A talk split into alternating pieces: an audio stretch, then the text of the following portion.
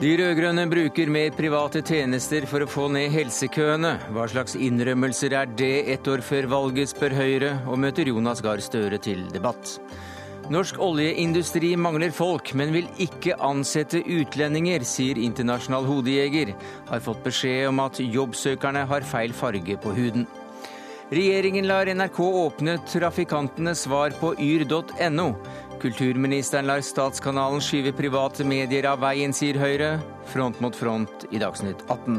Og er det bra å gi unge helt ned til 13 år kjekke og greie råd mot, uh, om analsex, spør Dagbladets litteraturanmelder. Alle har ansvar for egen penis, svarer forfatteren av Sex og kjærlighet.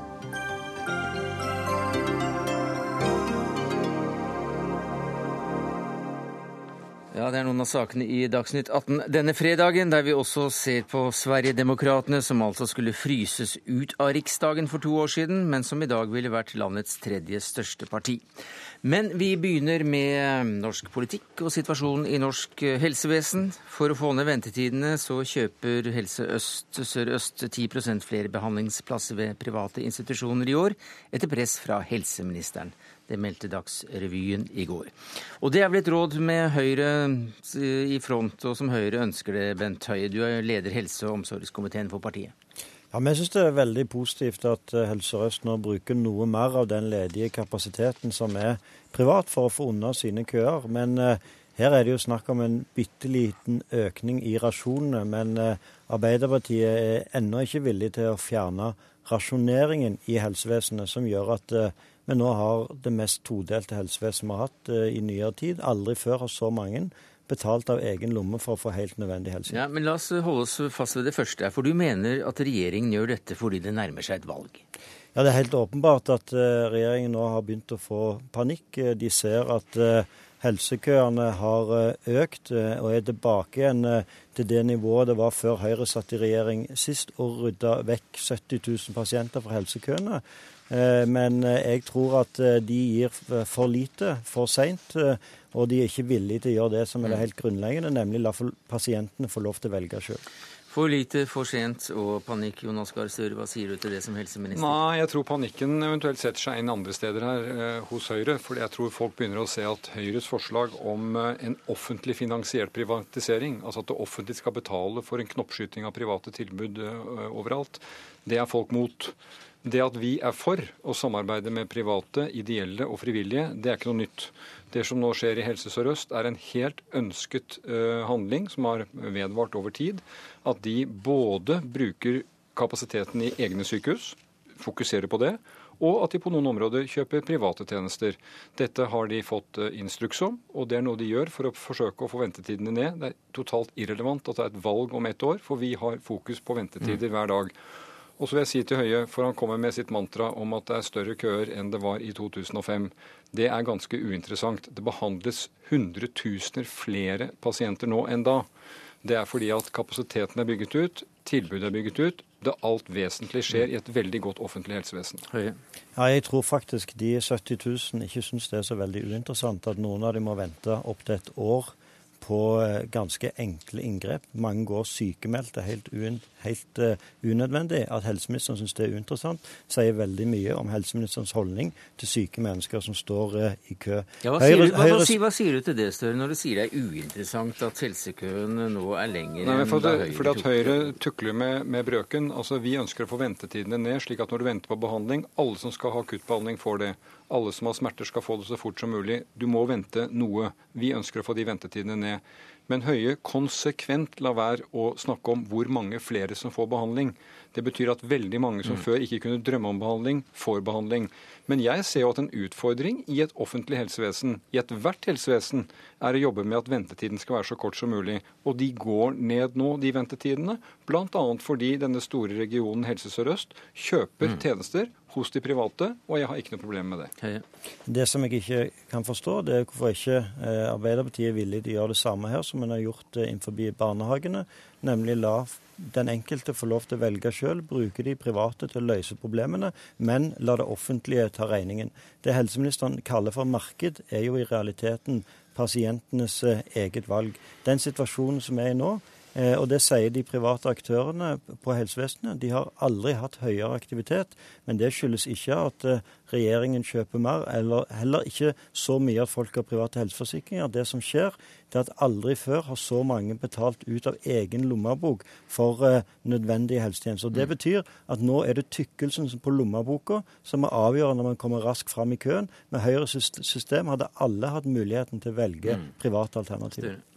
Nei, altså Dette er jeg veldig uenig i. for Du kan ikke sammenligne organisering av barnehagesektoren og noe som heter sykehus. For det er en kompleks organisasjon hvor det stilles krav til kompetanse, de som jobber der. Vi har ett sett med helsepersonell i Norge, vi har ett sett med penger i Norge.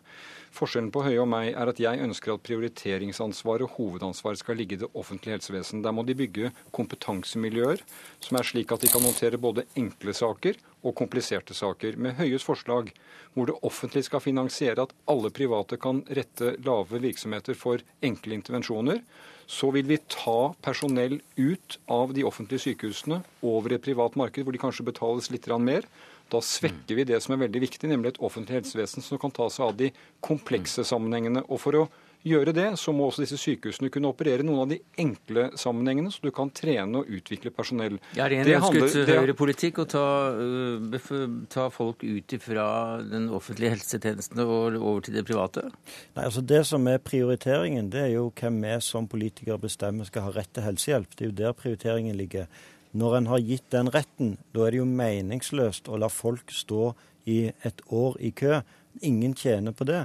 Eh, sånn en prioriteringsdiskusjon tar gjerne Høyre, men det handler om hvem vi gir rett. Men når folk først har fått rett, da er det ganske uinteressant om det er et offentlig eller privat sykehus som gjør det. Det som da er interessant, er at den retten faktisk innfris tidlig. Og de pasientene som faktisk ville tjent mest med Høyres opplegg, det er ruspasienter, psykiatriske pasienter, som i dag har, står for første veldig lenge i kø, og som sjøl ønsker å bestemme hvilke type behandlingstilbud de får. De pasientene som gjør det i dag innenfor mm. Arbeiderpartiets system, de mister faktisk alle sine rettigheter. Det er altså ikke noe, eh, gjør ikke noe forskjell på kattens farge så lenge den fanger mus? Nei, men altså Her må vi være tilbake til at jeg tror det handler om ganske prinsipielle syn på uh, hvor mye av hva. Uh, og jeg tror at For å opprettholde et trygt, avansert uh, offentlig helsevesen som tilbyr høynivå helsetjenester til alle, og det har vi i Norge, så må hovedtyngden ligge der. Med Høyres opplegg og Fremskrittspartiets opplegg så er det en slags offentlig finansiering i å bygge opp et privat tilbud. Det er å splitte fagmiljøer, og det vil over tid selvfølgelig føre til det at de private tilbudene de leverer ikke bare en åreknuteoperasjon eller en enkel ortopedioperasjon, de vil begynne å tilby mer, og da er det den private lommeboken som avgjør. Det er å splitte opp sårbare miljøer i et lite land som har høye mm. ambisjoner for helse. Og så langt vil ikke jeg gå. Mm. Men, men, Høie, det må du nesten svare på. Det, altså, Jeg er ikke enig i det som Støre her sier. Jeg tror ikke det vil være konsekvensen. for det at eh, i all hovedsak så vil norske pasienter velge å bli operert på de store offentlige sykehusene. Alle akuttpasientene, som utgjør størstedelen av pasientene, vil gå til de store offentlige sykehusene. Veldig mange av fagpersonene vil ønske å jobbe der, for det er det, er det mest faglig utfordrende. Og, det vil, der, og, og den politikken, og det vil også Høyre. Og det vil også Høyre, men ja. der, der de private har sin fortrinn, det er f.eks. innenfor rusbehandling og rehabilitering. Og så har de det i forhold til å ta disse områdene der det av og til oppstår kø. Kanskje fordi at et eh, sykehus ikke har det utstyret de trenger, eller, eller ikke har planlagt godt nok. Så det, oppstår det en kø. Da er de private mm. veldig kjappe med å snu seg rundt. Men så Et øyeblikk man får større svar på det. Nei, men det er jo slik at Innenfor en del av disse områdene så er private leverandører. Innenfor en del av rus og psykiatri så er særlig ideelle leverandører. Jeg vil minne om det at av rundt sånn 120 milliarder til sykehus i året, så kjøpes det tjenester da utenfor det offentlige til rundt 11-12 eh, milliarder. Det er bortimot 10 det er doseringen. Og jeg tror at hvis man går lengre i det som Høyre åpner for her, en slags automatikk, at hvis du åpner et privat tilbud på disse områdene, så får du automatisk offentlig finansiering. Det er å splitte opp disse miljøene. Det er en prioriteringsforskyvning som ikke jeg er villig til, og som jeg tror er negativ for muligheten vår til å tilby likeverdige tjenester til alle over hele landet. For det tilbudet han skisserer, vil jo stort sett gjelde i de store byene, i de store sentrene. Du vil ikke kunne se det for deg i uh, andre uh, typer strøk av landet. Og da er det vel lommeboka som uh, teller Høie? Nei, jeg syns at en kan la resultatene telle for seg. Når Høyre satt i regjering sist, så reduserte vi køene betraktelig. Men vi utarma ikke de offentlige sykehusene. Tvert imot, de òg behandla mange flere enn før. Resultatet av syv år med rød-grønn regjering er at for første gang i Norge er det nå etablert private både diagnostisering og behandlingstilbud innenfor kreft. Hadde noen sagt til meg for ti år siden at i Norge vil oppstå et marked for at folk kunne betale for å få raskere kreftbehandling, så hadde jeg ikke trodd det. Så jeg tror vi lar resultatene tale for seg selv, og resultatene av rød-grønn politikk er at de med tykk lommebok de har muligheten til å komme raskere fram i helsekøen. Folk flest må stå i en lengre offentlig helsekø. Så det er de rød-grønne som har skapt et klasseskille når det gjelder å få bli behandlet eller ikke? Ja, jeg mener at de rød-grønne gjennom den aversjonen de har mot å la pasientene sjøl få lov til å ta med seg sine rettigheter til et privat tilbud, mm. så har de skapt et todelt helsevesen der de private jobber som aldri før, men de jobber for folk som har råd til å betale sjøl, ikke minst eh, i Oslo-området. Mens de gode, mange gode private tilbud i distriktene, f.eks. Haugesund private sykehus, ikke lenger har mm. muligheten til å bruke sin kompetanse for å løse de offentlige helsekøene. Det er altså ikke ledig kapasitet, som det sies, i det private helsevesenet som skal definere prioritetene i det offentlige. Og jeg tør minne om å si at da Høyre forlot regjeringskontorene, så hadde sykehusene milliardunderskudd. Eh, og det at vi har rettet opp den sykehusøkonomien, gjør at de behandler hundretusener flere pasienter. Men Høyre mener at det er lommeboka som teller nå i større grad enn eh, det var før? Nei, altså jeg tror i et samfunn som vårt, eh, hvor folk får mer penger, så bruker de det også på helse i forskjellige ting. Alt mm. fra sånn som har indirekte med helse, som trim og kosmetikk og alle slike ting, men også på dette. Og jeg fordømmer men, ikke det, og jeg mener at vi men, mener, men hva mener Kan jeg få snakke ferdig? Men jeg tror at hvis du aktivt bruker offentlige ressurser på å bygge ut private helsetilbud, så korte skrittet til det at de kommer til å tilby tjenester som lommeboken avgjør. Og jeg tør minne om, for favorittnummeret til Høie pleier å være at flere tegner helseforsikring i dag. Det kan man ikke nekte dem. Høyre har jo ønsket å subsidiere at folk tegner helseforsikring. Det har vi fjernet. Og jeg tror at den helseforsikringen stort sett er ganske oppskrytt. Den beste helseforsikringen du kan tegne, det er folketrygden. Det er den som gir deg sikkerhet. Men personaldirektøren i Forsvaret, Tom Simonsen, sa til NRK at tidvis har vi behov for rask medisinsk behandling for vårt personell, og det får vi raskere gjennom de private avtalene. Sier ikke det at uh, når det kommer virkelig og, og man blir stilt overfor et et akuttvalg, ja, så, så, velger man det som er raskest, og det er ofte de private? Ja, På noen tjenester så kan det være det. Og jeg ser jo at Forsvaret som har personell som er ute hjemme i kort tid og så skal ut igjen, at det kan være behov som blir ivaretatt på den måten. Har statsråden en slik ordning? Nei, statsråden har ikke en slik ordning. Han har én ordning, og det er folketrygden. Det er min forsikring. Men jeg tør minne om at når dette blir fremstilt som noe som er liksom litt overraskende, så sier vi i vår regjeringsplattform at vi ønsker samarbeidende private virksomheter og avtalespesialister som nyttige samarbeidspartnere. Og så sier vi det. Ledig kapasitet i de offentlige sykehusene skal utnyttes. Avtaler mellom helseforetak og private kommersielle sykehus skal ikke ha et omfang som undergraver pasientgrunnlaget for de små sykehusene. Og det er på en måte essensen. Hvis vi stimulerer private sykehustjenester med ytterligere offentlige midler, da skaper vi det skillet, mm. og da har vi skapt grunnlaget for noe vi eh, tror jeg ikke reverserer så lett, og det er jeg imot. Tvert imot, det er nettopp den politikken som eh, Støre her skisserer, som har skapt et skille. Det er aldri før, og det er den største gruppen, det er de som betaler fra egen lomme i det sentrale østlandsområdet. Under Høyres politikk så oppsto det òg gode private alternativer rundt omkring i hele landet. Forskjellen var at gamle damer da i Rogaland kunne reise til Haugesund for å operere sine hofter. Det offentlige tok regningen.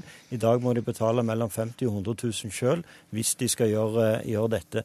Det er nettopp den holdningen om at det er systemet, det er sykehuset som eier pasienten, som skaper det todelte helsevesenet. De som har god økonomi, de vil alltid da kunne kjøpe seg, kjøpe seg ut. Høyre ønsker at det er pasienten som skal få lov til å velge, men selvfølgelig når en er gitt en rettighet som pasienter. Er ingen, verken samfunnet eller den enkelte, som tjener på mm. at folk må vente opptil et års tid for helt enkle inngrep mm. som de går sykemeldt for. Nei, men Det er jeg helt enig i. Ventetidene skal ned. Men jeg tror det er en fundamental sak vi ikke har sett noe sted i verden at hvis det bygges ut et privat helsevesen, og særlig i et lite land, og som attpåtil skal finansieres av offentlige midler, vel, da skapes et todelt helsevesen. Og da kommer det til å være lommeboken som avgjør. Og det som jeg er redd for, jeg ser når jeg besøker sykehus, det er at fagmiljøene blir splittet opp. Og da mister vi det mm. tyngdepunktet i det offentlige som skal kunne avansere, behandle poenget, det men det poenget det har du fått eh, klart fram flere ganger. Takk skal du ha, Jonas Gahr Støre, helseminister, og Bent Høie, leder av helse- og omsorgskomiteen.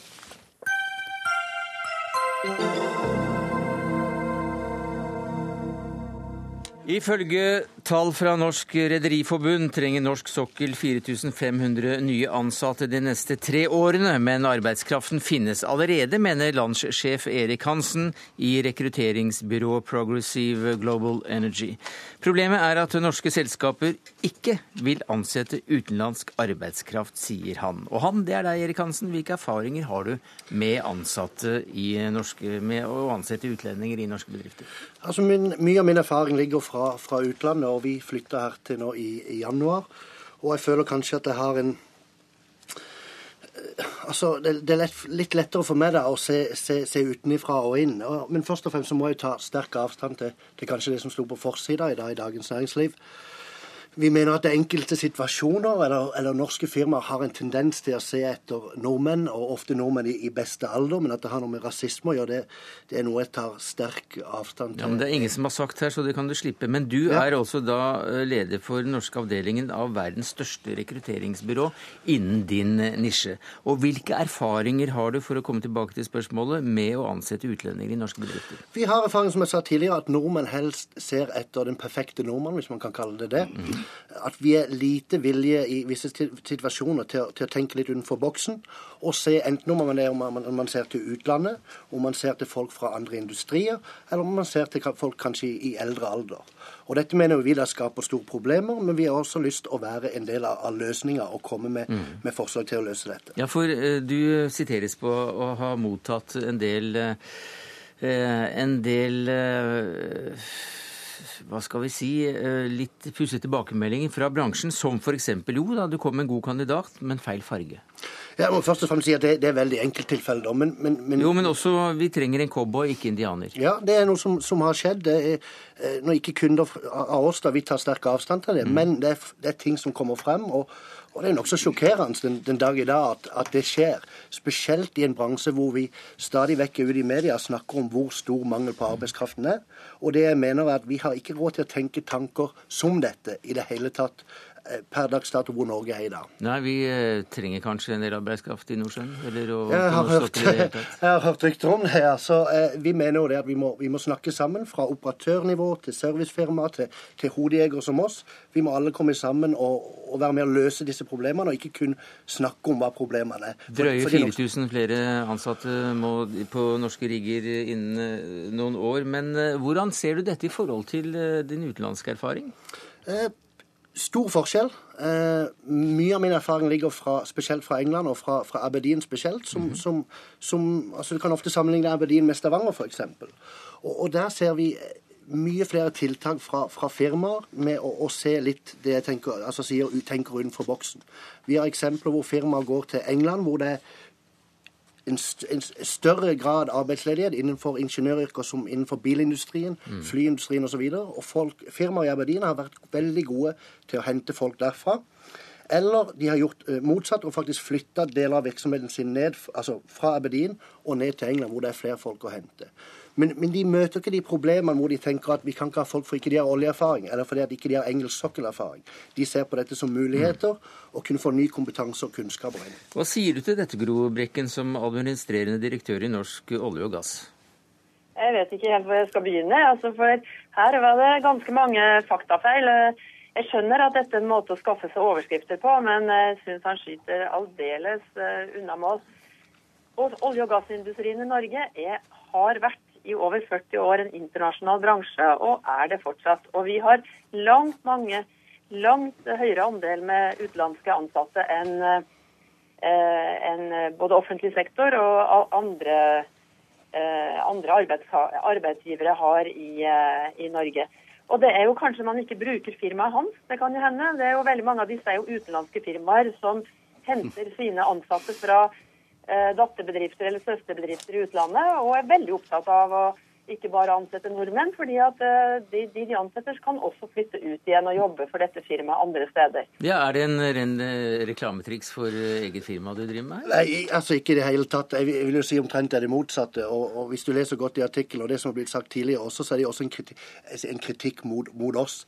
Vi, vi, skal komme med en tjeneste mm. til, til, norsk oljeindustri med tanke på å, å, sette inn folk. Men hva sier du til Brekkens uh, utblåsning? Ja, altså At vi har flere internasjonale folk i, i oljeindustrien enn innen de offentlige, det er jo en selvfølge. Eh, og, men, men, men, jeg vil gjerne at, at, Brekken sier litt mer om hvordan vi skal jobbe med de problemene vi har, altså mangel på arbeidskraft. Hva skal vi gjøre vil, for å kunne løse det problemet? Det vil jeg veldig gjerne gjøre, og det tror jeg kanskje det eneste som jeg var enig i når jeg leste den avisen hvor du var sitert i dag, det er at vi må få ungdom mer interessert i realfag, og det er heldigvis i ferd med å skje. Men det er dessverre ikke akkurat temaet i dag, Nei. og det vet også du godt, Erik Hansen. Temaet i dag Men... er også at norsk oljeindustri er mindre ivrig på å ansette utlendinger enn det andre eh, lands oljeindustri er. Det, det, er ikke riktig. altså det, det, det er faktisk ikke riktig.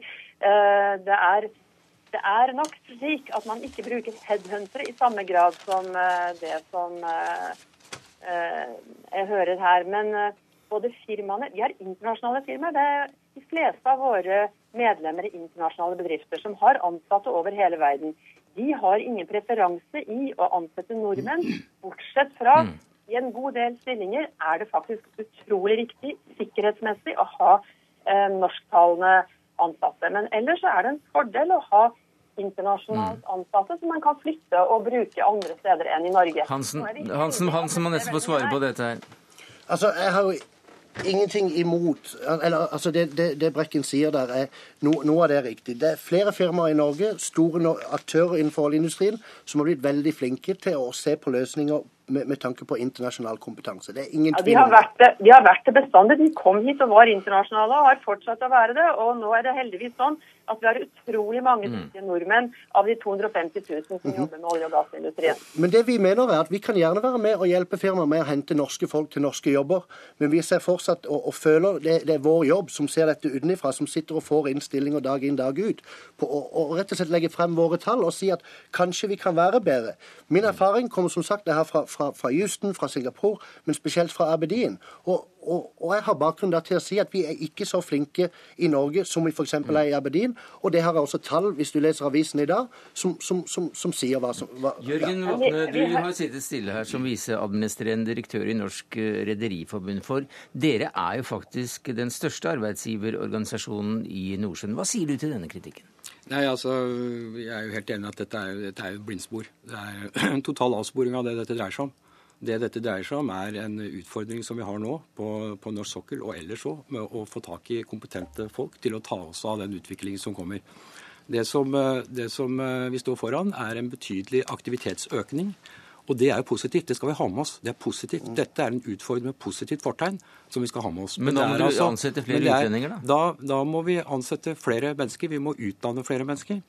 Og det rasismekortet hvem var, liksom få plassert det. Ja, den ble plassert Norges Rederiforbund Norges Rederiforbund, Men, men, den, bruker det. Ikke mer, Norges, bruker ikke mer tid på det. Men, men når det gjelder akkurat å, å, være villig til å ta inn utlendinger, så mener da altså Hansen her at det er norsk oljeindustri mye mindre flinke til enn de andre landene han har jobbet i, jeg, Singapore, eh, Skottland etc. Jeg, jeg, kan snakke for vår egen næring, mm. våre medlemmer. Og vi har altså, våre medlemmer har 60 000 ansatte om bord på skip og rigger.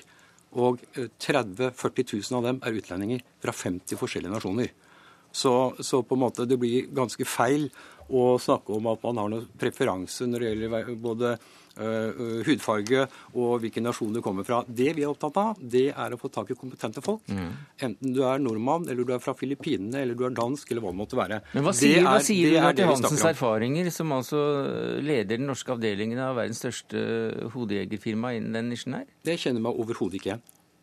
Jeg mener at han, at han, han tar noen eh, råsjanser her. Altså, jeg har lyst til å skryte av Nav i denne sammenhengen. Jeg tror at de landene som han ikke har, eh, som uh, Hansen har erfaring med, ikke har den type offentlig sektor som vi har i Norge. Vi har faktisk Jeg har veldig lyst til å skryte av Nav Eures, som er altså Nav sin internasjonale eller europeiske Eh, Nav. Ja, det kan du gjøre ganske raskt. Ja. De hjelper gratis. Det mm. hjelper de eh, store eh, olje- og gassindustrien med å rekruttere Eh, ansatte i Europa, og de legger til rette på messer. Og jeg vet at veldig mange av bedriftene er kjempefornøyd med Nav, så det syns jeg mm. også vi bør si i denne sammenhengen. En litt uh, overraskende vri på slutten her, som avsluttet det hele. Altså en skryt til Nav fra Gro Brekken, administrerende direktør i Norsk olje og gass. Takk skal du ha, Erik Hansen, landssjef i rekrutteringsfirmaet Progressive Global Energy. Jørgen Vatne, viseadministrerende direktør i Norsk Rederiforbund.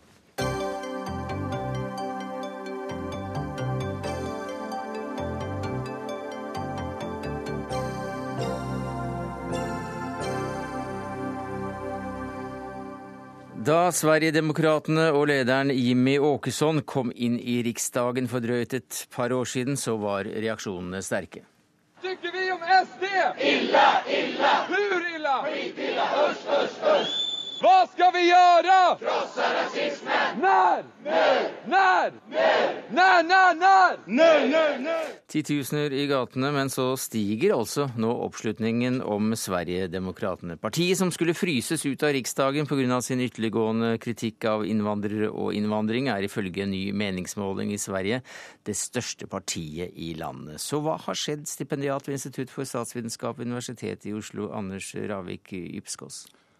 Jeg vil trekke frem eh, fire, kanskje hovedsakelig tre. Vi kan også trekke frem mediene til slutt. Altså, hovedsakelig så dreier det seg om at eh, det skjer en slags normalisering i Sverige. Eh, de nærmer seg de andre landene i Europa. Vi har jo hatt sånne partier i flere andre land. Danmark kanskje veldig kjent, hvor Sverigedemokraterna har kopiert mye av det Dansk Folkeparti har gjort, og forsøkt å legge seg tett opp til den linja som det partiet har kjørt. Og de nærmer seg nå da noe av den samme oppslutningen som Dansk Folkeparti har hatt i, i Danmark i, i 10-15 år. Mm. Dessuten så er det da en organisatorisk satsing fra partiet. Vi vet at mange andre store partier har tapt mye medlemsmasse de siste årene, mens mange av disse partiene har økt sin medlemsmasse. Ikke til de samme gamle høydene som var i gamle dager, med, med, over 100 000 medlemmer. Det er det ikke snakk om, men det er snakk om å bygge en organisasjon sakte, men sikkert. Og vi kjenner jo at Fremskrittspartiet har gjort det her, og også vært et forbilde for mange av disse partiene. Og sist, men ikke minst, så har nok også da Sverigedemokraterna og Jimmy Åkesson brukt mye tid nå på å utestenge eh, ekstremister, eh, fjerne de fra fra lister og, og, fra verv, i den grad de gjør noe. Han sendte ut et brev for en, eh, noen uker siden hvor han ba alle sammen om å skjerpe seg, og de som ikke følger partilinja, de blir ekskludert.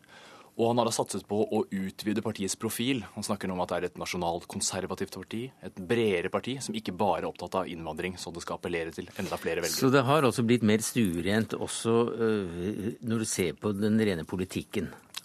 Ja, altså hvis man ser et litt lengre perspektiv, altså sånn type to eh, tiår, så har det åpenbart blitt mer eh, stuerent. Men også siden de kom inn i Riksdagen? Eh, ja, der er det nok det at de forsøker da det som snakker om å bredde ut sin politikk, ja. altså snakke om flere saker, fordi de vet at det å bare være opptatt av innvandring, det gjør selvfølgelig at man også oppleves til å være irrelevant i veldig mange andre sammenhenger. Mm, og skrelle bort de mest ytterliggående? Ja, og da handler det om å ta et oppgjør med de som går sånn kraftig over mm. grensa, som skriver om sånne ting som så at man har snakket om at Breivik var, eh, var en fin fyr og den type ting. altså den folk eh, kaster man ut av organisasjonen umiddelbart. Også men, der har man jo lært av Danmark. Men mediene skulle jo boikotte dette partiet? Ja, altså de har jo ikke, det har de jo ikke gjort. Og de fikk jo et mediegjennombrudd så til de grader når de kom inn i, i, i Riksdagen 2010. Det startet egentlig allerede i 2006, hvor de fikk ganske mange eh, plasser i ulike kommunestyrer rundt omkring i, i Sverige. Men, eh, men, der ser man jo nå Den siste utviklingen som kan være verdt å understreke, er jo et, eh, en partilederdebatt på Agenda, som er et debattprogram i, i Sverige for uh, eh, ca. to måneder siden, eh, nei, en måned siden nå, altså i begynnelsen av oktober. Hvor da uh, et av spørsmålsformuleringene fra uh, programlederen var hvor mye innvandring kan Sverige tåle? Og, og, det ble da oppfattet som at man nå har på en måte begynt å debattere innvandring på Sverigedemokratenes mm. premisser.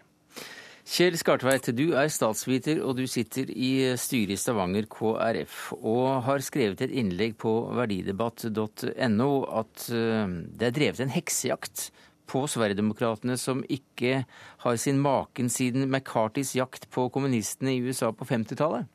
Hva mente du med det?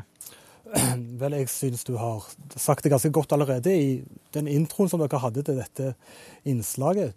Eh, og den beskrivelsen som har vært fram til nå av Djupskås. Altså det er en sosial utstøting, eh, til og med politisk vold mot representanter fra Sverigedemokraterna. Og ikke minst den reaksjonen som vi fikk fra Sveriges statsminister da han skulle kommentere denne voldshendelsen. Da han sier at, hvis vi oversetter det til norsk, altså den som er med på leken, må smake steken. Altså, han tok ikke avstand fra den politiske volden som dette, som dette var. Eh, det, for meg så fremstår det som en heksejakt. og ikke særlig hyggelig i det som skal være et åpent demokrati. Men du skriver også at det er få som egentlig skjønner dette partiet, hva det egentlig står for. Men uh, hva mener du det står for? Nei, Det er veldig vanskelig å plassere i en tradisjonell høyre-venstre-akse. fordi at det har eh, klare bindinger til venstresiden med en sterk forsvar av velferdsstat. Eh, snakker om offentlig eierskap for sentrale bedrifter. Samtidig så har det eh, klare høyre eh, altså synspunkter på, på, som tilhører høyresiden. Du har en hard kriminalpolitikk. Eh, du aksepterer ikke et marxistisk menneskesyn når det gjelder kjønn. Eh, du aksepterer ikke kulturrelativismen. altså Du er imot kunstig befruktning for lesbiske. Eh, som du har veldig sånn verdikonservative synspunkt. Også, og, når, og når det gjelder islam? Ja, så er det jo Det er verken venstre eller høyre. For i dag så, så er det noe som ligger for seg selv. Da. Men de er jo helt klart imot islam. De mener at islam ikke er forenlig med et, med et demokratisk eh, styring. Mm. At islam er altså, uforenlig med det. Skålveit.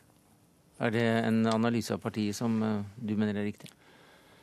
Altså, jeg, jeg, stusser litt over eh, at man bruker da det at de skulle da være mer for en, en, en sterk en type velferdsstat, mer offentlig eh, velferd, som et argument for at de tilhører skulle være vanskelig å plassere. Altså, her kommer det an på hva man legger i begrepene selvfølgelig høyre og venstre. Og det er jo en kjensgjerning rent historisk også at partier som har stått langt ute til høyre, altså på, til høyre for mer konservative partier, er ofte eh, nettopp opptatt av en sterk stat for sine etniske innbyggere. Og det man ser med mange av disse partiene, er jo at de ønsker å forbeholde velferdsgodene til sin egen etniske befolkning. Og det bryter jo veldig med sånn universell velferdsstat som man ofte finner mer av på, på venstresiden. Eh, dessuten så er det jo nok av uttalelser fra Sverigedemokraterna som plasserer de også godt inn i en mer illiberal eh, tradisjon, eh, uten at det betyr at man skal drive noe heksejakt. Altså, jeg har til og med også skrevet et innlegg i en svensk avis for eh, et par år tilbake hvor jeg kritiserte svensk TVs dekning av det partiet. Så jeg er enig i at det har vært Eh, urimelig i den forstand at eh, det nye lederskapet har forsøkt å føre en annen linje, men har blitt koblet veldig tett til den gamle mm. arven i partiet. Men det er også uttalelser fra ledende personer nå. Vi har f.eks. partisekretær Bjørn Søder som sier at uh, homofile og pedofile er seksuelle avvik som aldri kan bli normale. Og det er klart at Når du sier det, så må du også tåle å stå til ansvar for det og tåle en politisk debatt og bli sablet ned. Altså Det er også en del av demokratiet at når du fronter standpunkter som alle de andre partiene er mot, så må du også tåle å få et massivt trøkk mm. tilbake. Skartveit, dette partiet ligger nå på 9-10% Hvor stort eh, tror du det kan bli? Nei, Det er vanskelig å si, men det som er klart, eh, og som eh, det er at Sverigedemokraterna fremstår som et alternativ i en politisk landskap i Sverige som er nærmest ekstremt konformt. Og hvis, den, hvis det konformitetspresset fortsetter i Sverige, Eh, og du ikke tar en åpen debatt om de vanskelige spørsmålene, eh, så kan selvfølgelig det, dette bli et veldig stort mm. parti. Mm. Og det var vel slik også eh, Frp fant grobunn for å vokse seg ganske stort i Ipsox, nemlig ved å være et helt annen, annen type parti? Ja, altså man har jo frontet saker som er blitt viktigere og viktigere for velgerne. Vi har jo selv også skrevet stort om hvordan da dette hvordan da denne nedgangen i eh, arbeiderklassen, en mer overgang til en postindustrielt samfunn, økt utdanningsnivå, har ført til at man har fått nye konfliktlinjer som har dreid seg om nye spørsmål, bl.a. innvandring. og Det er blitt viktigere, og det har disse partiene eh, tjent på i det store løp. Så jeg tror også at Sverigedemokraterna det, altså det var Så tidlig som eh, tidlig 2000-tallet så var det svenske forskere som skrev fortsatt en fiasko, men hvor lenge vil det vare? Mm. Og det var jo nettopp at man sa her at også i Sverige så er det grobunn for et slikt parti som, som nettopp klarer å kombinere da en, en eh, innvandringskritisk, til dels innvandringsfiendtlig eh, agenda med et forsvar for den mer eh, velferdspolitiske ståsteder. Og at man, men at man må da fremstille dette på en legitim måte, og at man ikke kan ha reinspikka rasister og folk som er mer militante i, i sine rekker. Når blir Sverigedemokraterna en del av Moderaternas regjering? Til meg, ja. Mm. Eh, ja, altså Det tror jeg nok kommer til å ta ganske lang tid. Det er jo flere andre land altså, hvor denne typen partier med mer koblinger til ekstreme subkulturer, Frankrike, Belgia, hvor disse partiene har på en måte blitt utestengt veldig lenge. Og det kommer nok til å ta lang tid før et parti som Sverigedemokraterna med den arven eh, blir stuerent. Takk skal du ha, Anders Ravik Gipskås, stipendiat ved Institutt for statsvitenskap ved Universitetet i Oslo, til Kjell Skartveit, statsviter og medlem av styret i Stavanger KrF.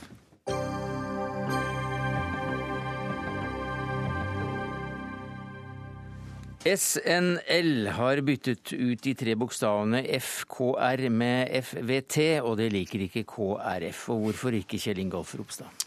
Jeg må vel innrømme at jeg syns det er en litt sånn rar debatt. Litt sånn, litt sånn tøysete. fordi at Hvis du snakker om før Kristus eller etter Kristus, så har jeg i hvert fall veldig sjelden opplevd at det er noen som reagerer på at det, det er støtende eller at det er veldig teologisk. For FRK, som eh, vi, eh, som vi nevnte først her, det betyr også da før Kristus, men FVT betyr Før vår tidsregning. tidsregning. Og SNL, det er altså Store norske leksikon, ikke sant? Og KrF er Kristelig Folkeparti. Ja, så har vi, så har vi det klart. Men det interessante er jo, for at FVT, eller før vår tidsregning, det er jo òg en samtidig du, du, du sier jo da at det er noe som er vår, og så er det noe som er deres, eller noe som er åkker, og noe som er dykker, som jeg ville sagt. Og det er jo òg veldig eh, Eller kan iallfall fort bli lada hvis det er det som er problemet med før Kristus og etter Kristus. Og derfor så har vi syntes at dette er en debatt som vi egentlig ikke burde ta. Det, det handler ja, om kultur. tar- det handler om tar den, og vi tar den, og vi tar den i Dagsnytt 18 på en fredag til med Anne-Marit Godal, hovedredaktør i Store norske leksikon. Hvorfor var det så viktig å få fjernet eh, før Kristus og byttet det ut med før vår tidsregning? Eh, Det vi egentlig har gjort, er bare å synliggjøre hvilke begreper religionshistorikere bruker. Eh, De har brukt uttrykket 'før vår tidsregning' i mange år i leksikonet. Eh, Fra vi begynte å skrive om ulike fagfelt. Eh, Det var jo, Vi arva gammelt papirleksikon, og så har vi fått akademia i gang for å oppdatere. Og de har brukt dette begrepet, og det f.eks. når de har skrevet om jødedommen eller det gamle Egypt. Så vårt valg nå var bare at vi skulle gjøre en liten teknisk endring i datoformatet. Og da måtte vi se på i hvilken kontekst brukes eh, minuset, som sto der fra før. Jo, det brukes rundt artiklene her. Og hva skriver fagfolka? Jo, de gjør det sånn. Så for oss så var ikke det egentlig noe nytt valg, da. Vi bare fulgte opp det de har gjort lenge. Det er vel alt greit, Ropstad? Ja, altså Jeg blir ikke så provosert av at et leksikon eh, ønsker å la forskerne eller redaktørene i de forskjellige avdelingene få lov til å være med og styre. Jeg er jo mer opptatt av at vi i dagligtale og i skolebøker og sånne ting kan bruke de uttrykkene som jeg mener er helt normalt, og som viser til det som er kulturen og arven vår. Og, og det syns jeg burde være uproblematisk at, at vi kunne fortsette å bruke. Men hvorfor skal denne mannen fra Nasaret bli nevnt hver gang noe som hendte før år null skal omtales? Nei, Hvorfor skal vi bruke vår tidsregning? Men altså, Nei, det var jeg som stilte spørsmålet Ja, først. og, og det, det samme, altså, Du må ha en eller annen betegnelse. Og, og Det er nå engang sånn at det er det vi har brukt hele tida opp igjennom. Og det jeg synes det er helt normalt. Og som sagt så er det veldig få som kobler det til noe teologisk, at du anerkjenner at Jesus døde oppsto og er Kristus. Men det er bare en utgangspunkt for tidsregning. Og det samme problemet får du hvis du sier vår tidsregning. For da sier du jo samtidig at OK, så kan dere bruke dere, og så bruker vi vår. Og det er ikke noe bedre betegnelse, det. Nei. Altså, det, det jeg syns er lærdommen da, av den debatten som har pågått nå, noen uker i debattfeltene i Aftenposten, det er at her har det skjedd en bevegelse blant forskere. Eh, de har begynt å bruke dette begrepet. Eh, så får vi en veldig sterk reaksjon blant i hvert fall deler av offentligheten i Norge når de oppdager det. Og da tenker jeg at Store norske leksikon har gjort vår jobb, da. Eh, Her er det liksom to veldig skilte samfunnsarenaer som ikke eh, snakker med hverandre. Og for Store norske leksikon så er på en måte formålet med det vi driver med, det er å få norsk forskning ut i offentligheten på internett. Sånn at dette kan bli synlig.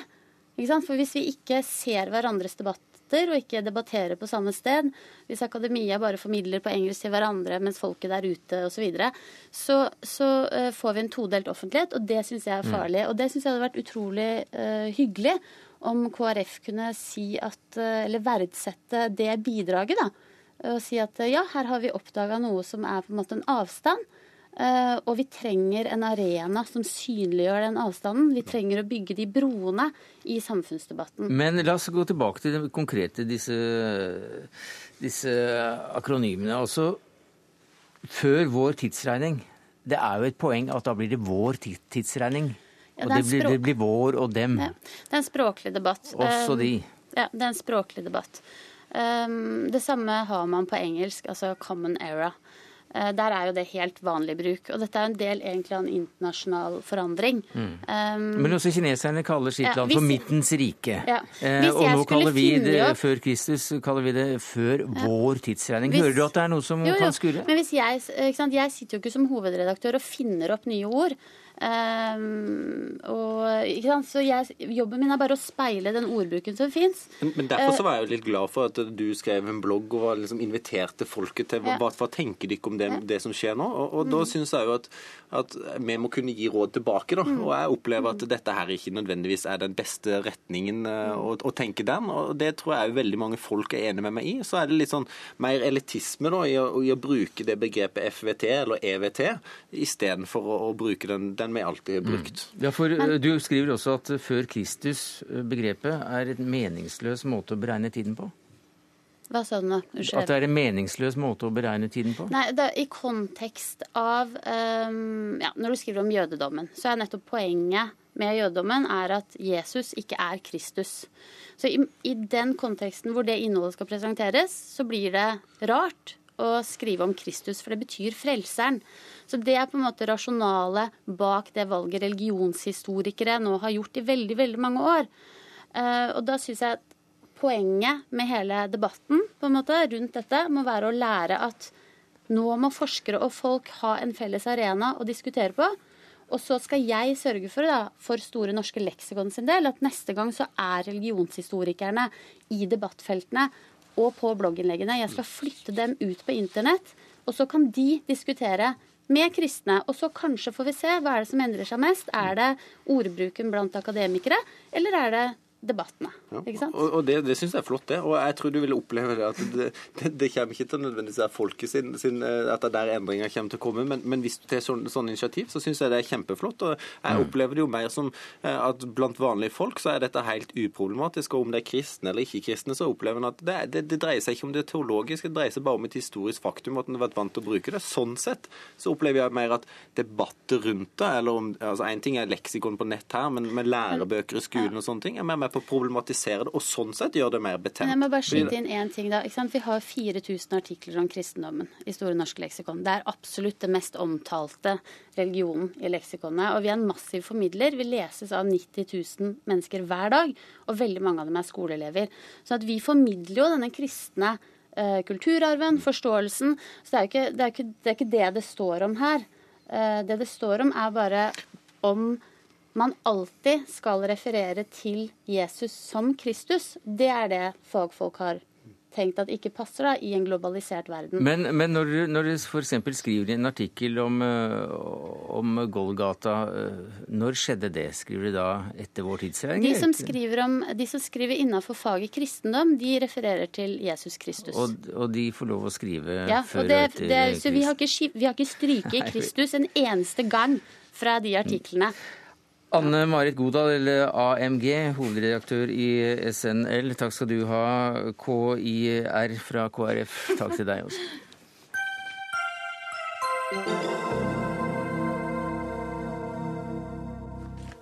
Regjeringen gir NRK grønt lys for å åpne trafikkens svar på yr.no. Det ble klart i dag. Portalen skal tilby landsdekkende reiseplanlegger med rute- og trafikkinformasjon fra buss, tog, T-bane, trikk, fly, biltrafikk. Og det er da i samspill med NRKs landsdekkende trafikknyheter og Ruter og Trafikanten og det hele. Jeg tror Vegvesenet også er med. Og hvorfor lar ikke du deg begeistre av dette? Høyre vil jo markere seg som forbrukernes parti, Olemic Thommessen. Jo da, det, jeg kan godt la meg begeistre av god forbrukerinformasjon, men det er egentlig ikke det denne saken handler om. Det denne saken handler om, er hvor stor NRK skal kunne bli i forhold til resten av mediebransjen. NRK har eh, med seg en 4-5 milliarder i lisenspenger i ryggen, og vil kunne utvikle produkter på nær sagt alle områder. F.eks. det å lage forbrukertilbud på, eh, på den type informasjon vi snakker om her. Men det gjør jo da at man vil legge en klam hånd over hele det private feltet i forhold til den eh, innovasjonen, den utviklingen, som, eh, som private medieselskaper og enkeltfirmaer da vil kunne gjøre. Og det vil ha veldig uheldige følger. Ja, hva slags følger? Jo, det vil bremse utviklingen for medievirksomhet i Norge generelt sett. Det vil gjøre at utviklingen går langsommere, og at vi får mindre uttelling på områder som ligger utenfor eh, eh, allmennkringkastingsoppdraget. Og så andre mediebedrifter Ja. tape penger eller tjene mindre, siden ikke de får en del av kaka på dette Ja. markedet, som kanskje kan være ganske svært, og, og dra inn reklamepenger på. Ja, for eksempel eh, er det en ting, men det går også generelt på eh, den innovasjonen, altså den utviklingen som eh, skal jeg si, smarte folk som er gode på nett, kan bidra med, og som er en viktig verdiskaping. Og så er det jo et, vi ønsker jo også at vi skal ha en stor allmennkringkaster. Vi ønsker at vi skal ha en, et, et trygt og stort eh, NRK, men, men vi ønsker også at de skal Vi er nødt til å definere hvor, hvor grensene går for hvor store man skal bli. Og i denne saken, den er litt spesiell, fordi at vi har hatt en ganske lang politisk diskusjon om dette, om å sette grenser for NRK. Jeg tror de fleste politiske partier er enige om at et sted skal det være noen grenser. Og dermed så fikk vi et regelverk som handler om at det skal være en forhåndsgodkjenning. Og det er Medietilsynet eh, først og fremst, men også Konkurransetilsynet, som da skal gi et råd om hvorvidt man er innenfor eller utenfor det man kaller for allmennkringkastingsoppdraget. Altså den jobben som NRK er satt til å gjøre for lisenspengene. Og i dette tilfellet så sa Medietilsynet at nei, nå er vi utenfor. Og så sa regjeringen at nei, dette skal NRK få lov å gjøre allikevel. Og det syns jeg blir veldig Det uheldig. liker ikke du. Nei. Men eh, det var du blant annet som var med å bestemme dette her, Arild Ja. Stokkan Grande. For du, var stortings, du er stortingsrepresentant for Arbeiderpartiet, medlem av kulturkomiteen på, på Stortinget. Og du får representere regjeringens syn du da på dette her hos oss i kveld. Høyre mener altså at eh, det er utenfor NRKs mandat som allmennkringkaster å få støtte av Medietilsynet. Ja, øh, først vil jeg si at Dette er jo en fantastisk øh, bra nyhet for oss som er reisende. Eh, Jeg tror alle som har planlagt ferietur eller jobbreise, har opplevd hvor mye tid man må bruke på å finne informasjon om rutetida, hvilke selskap som trafikkerer de ulike rutene. Men det er Nå ikke kan det bli mye enklere for folk. Mm. Eh, Og det er jo det saken handler om. Eh, og så eh, tror jeg ikke folk er så opptatt av eh, hva Medietilsynet mener om det her. Jeg tror at de er langt mer opptatt av å få en god informasjon, og få det sammenkobla med det at NRK jo har drevet trafikkinformasjon, nyhetsformidling på trafikkfronten, siden 60-tallet. Eh, så dette føler vi er godt innenfor det som er NRKs mandat. Så er det jo sånn at hvis logikken til Olemic Thommessen og Høyre hadde vist seg å være riktig, så skulle det nesten ikke vært noen som har drevet med, eh, eh, med værvarslingstjenester, eh, annet enn NRK etter at de etablerte yr.no. Men faktum er jo at etter at NRK etablerte yr.no, så har det jo poppa opp med værtjenester fra VG, fra Storm. sånn at dette viser jo at når noen går foran, så vil jo andre også følge etter. Og den informasjonen som NRK samler inn, skal gjøres tilgjengelig for alle som ønsker å opprette private eh, tilbud innenfor det her. sånn at dette vil jo hjelpe på innovasjonen til andre selskap. Eh, Det er jo flott at eh, mer informasjon gjøres tilgjengelig, men eh, det er naivt å tro at gratistjenester som da utvikles på, ved hjelp av skattelisenspenger, at ikke det vil bremse på både investeringsvilje og utviklingsvilje ellers. Det er klart Hvis du bruker tid og krefter og penger på å skulle utvikle et produkt, så kan du ikke risikere i neste øyeblikk at det kommer en kjempesvær aktør som har alle de markedsføringsmuligheter som NRK har, og leverer akkurat det samme, og hvorefter man da blir utkonkurrert. Det som, men det som er også liksom det det som er litt kjedelig her, og det er at den grensedragningen vi snakker om, den er ikke enkel å få til. Altså det er ganske, det er ganske viktige skjønnstemaer som, som ligger til grunn. Um, og det som har skjedd nå, er jo at Medietilsynet og Konkurransetilsynet har gjort en, synes jeg, en bra jobb på å forsøke å starte og streke opp hvor grensene går her.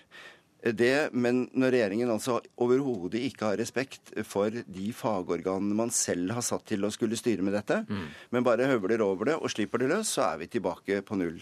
Så Og kan det- Grande Ja, Dette er overhodet ikke noe frislipp. Altså, Vi har sagt ja til dette fordi vi syns det er et godt tiltak for Ja, folk men hvor- flest. men hvor går grensen eh, hen? skal det Hva komme nye ting, så må det vurderes. Da må det vurderes uh, for seg.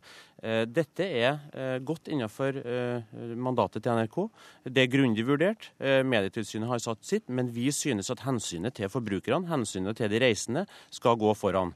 Og hvis det var så attraktivt å etablere portaler innenfor det private med reklamefinansiering, hvorfor har vi ikke mange sånne portaler i dag da? Nei, for de må vente Fordi på at NRK kommer problemet med gratistilbudet at- som konkurrerer det ut. Problemet er at dette er eh, noe som vi eh, ønsker å gjøre tilgjengelig for folk flest, gratis. Eh, sørge for informasjon som andre kan benytte seg av. Men du hørte hva, du hørte hva eh, Thommessen sa her. Vi har ikke fått de andre fordi at man regnet med at NRK ville gjøre det gratis. Ja, og nå får alle som ønsker å etablere et tilbud eh, privat, eh, får muligheten til å benytte seg av den informasjonen som NRK finner fram. Og Det viser jo at hvis NRK nå får oppretta det her, kan gå foran, så vil jo andre kunne skape innovasjon ut av det. Så dette vil jo faktisk hjelpe til at vi kanskje får flere portaler, at vi får mer innovasjon i mediebransjen. Sånn at Det er et øyeblikk Thommessen sitter og og rister av latter Det er kanskje ikke så lett å konkurrere med NRK, da, som er ute på alle tenkelige plattformer og kanaler. og selvfølgelig... VG klarer det på værvarsling, Storm klarer det på værvarsling. Vi har et mylder der av værvarslingstjenester. Og sånn at Hvis den logikken til Høyre hadde øh, vært riktig, så, så, så har man jo ikke sett disse tilbudene. Det kommer fordi at noen går foran. Eh, Og det tror jeg også vil skje, også innenfor trafikkinformasjon. Nei, det er jeg helt overbevist om at vi er nødt til å sette noen grenser for hvor stor NRK skal bli. Jeg syns det er viktig at NRK bruker lisenspengene på det som er kjerneoppgaven i forhold til allmennkringkastingsoppdraget, som bør handle om eh, kultur, som bør handle om offentlig debatt, nyhetsproduksjon og de kjerneoppgavene vi kjenner NRK for. Så syns jeg at eh, det får være til det private, privat sektor å utvikle produkter på den type baser som vi, vi snakker om her. Takk skal du ha, Olemic Thommessen, stortingsrepresentant for Høyre medlem av kulturkomiteen på Stortinget. Aris Stokkan Grande, stortingsrepresentant for Arbeiderpartiet og medlem av kulturkomiteen på Stortinget. Og så skulle vi hatt med oss kringkastingssjefen, men han sitter altså på et fly som ennå ikke har landet.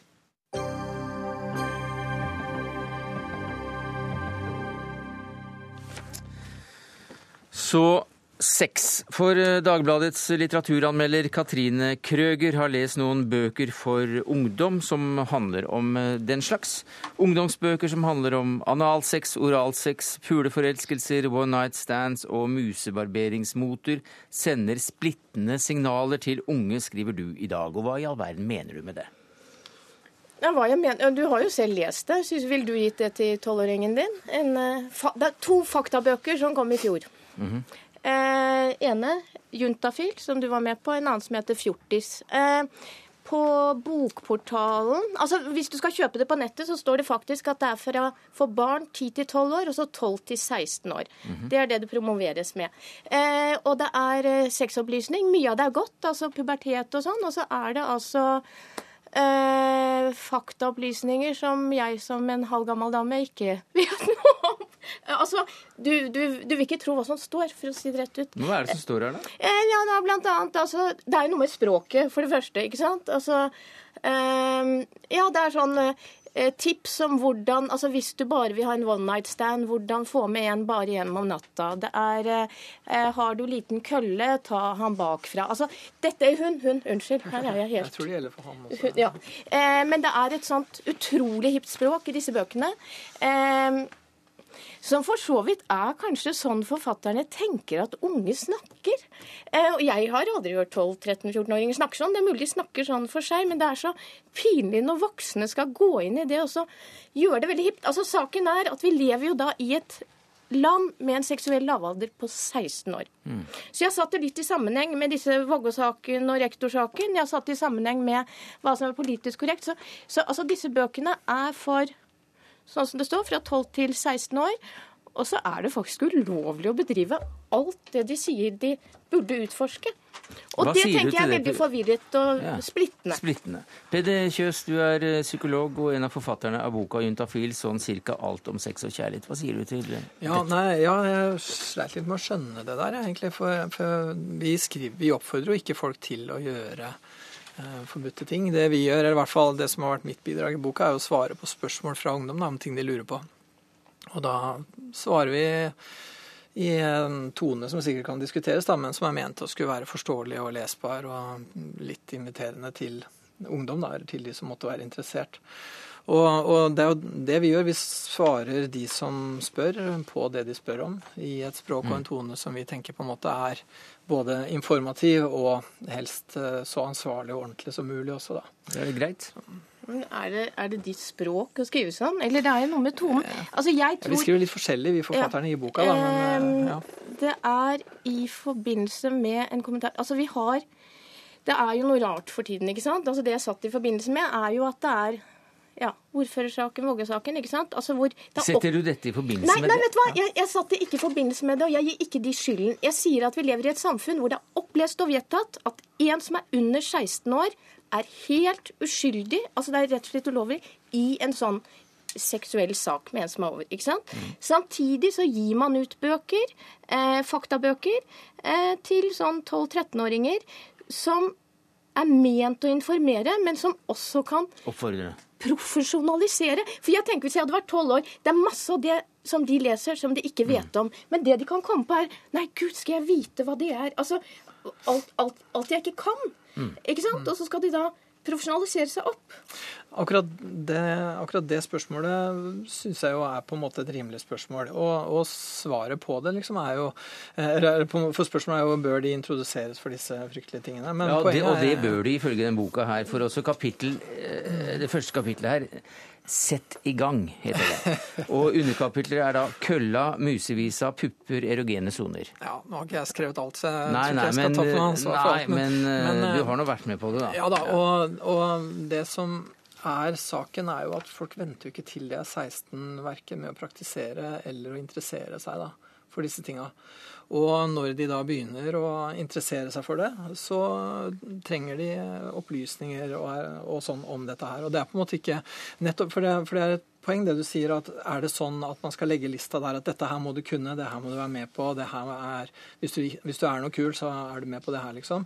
Det budskapet prøver vi å ikke gi. Det vi derimot prøver å gi, er den derre Den Ja, legger jo det- opp til at dette er Altså, det har noe med språket deres å gjøre òg, som er liksom så ja, akkurat det vil jeg påstå at vi prøver ganske nøye å skrive. Altså at dine grenser er der de er, og det er ikke Ja, sånn at dette her skal du er jo- gjøre. Ja, og du, sånn, altså. altså, det er sånn barn hopper over, for jeg hører jo fra læreren. Ja, men du vet, hvis, hvis du f.eks. som, eh, hvis du for som 12-13-14-åring eh, ser en eller annen eh, video på, eh, på nettet da, Mm. av en sånn der deep throat-greie f.eks., og så spør unge, og så tenker ungene jøss, er det forventa at jeg skal gjøre det her, liksom?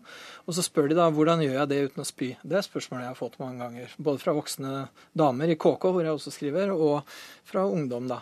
Um, og, og, og da er det klart man kan svare hvordan du skal få til det uten å spy, men et viktigere svar da er er du sikker på at det er tingen du skal drive med? Men skal du lære, skal du lære bort dette til 12-13-14-åringer? Det er vel Nei, det er ikke å spørsmålet som lære det bort. Det er å si at veldig mye av dette her er sånn som du må ta stilling til, og for å ta stilling til det, så må du vite noe mer om det enn det du har sett på internett. Men, men det, det poenget til Krøger her, altså at det er jo faktisk er en, en grense for hvor gammel du skal være før Mm. du skal ha den type seksuell omgang. Hvor, Hvordan sitter den kritikken med at disse bøkene er myntet da, eller i hvert fall markedsføres overfor folk som er atskillig yngre? Ja, det vi gjør er jo å svare på det folk lurer på, da. Og blåser, i, om, eh, blåser da i alder.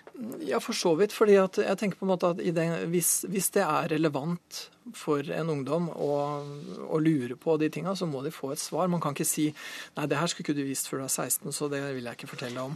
Jeg, jeg kan ikke fortelle deg om prevensjon før du er 16. Hvis du har 614, så er det ditt eget Du, problem. vet du hva, Sånn Dette man er ikke si. ikke prevensjon dere skriver Ja, det om. Dere skriver skriver jo om det om altså Dere skriver jo Ja, si du har jo Ja, men vi skriver jo om prevensjon, det gjør vi. Ja, ja, Ja. gjør dere det. Men det er jo noen kapitler, og jeg vet dere blir fornærmet over jeg som liksom trekker frem musebarbering og anal og jipper, du har funnet klitoris og hvordan finne G-punkt og sånn. I et sånt språk, ikke sant. Du, og det rare er at dette motsvaret dere ga meg på den kommentaren, så skriver jo dere at dette er ikke for tolvåringer. I hvert fall ikke. Det var, dette er ikke, Hvor i all verden jeg har det fra?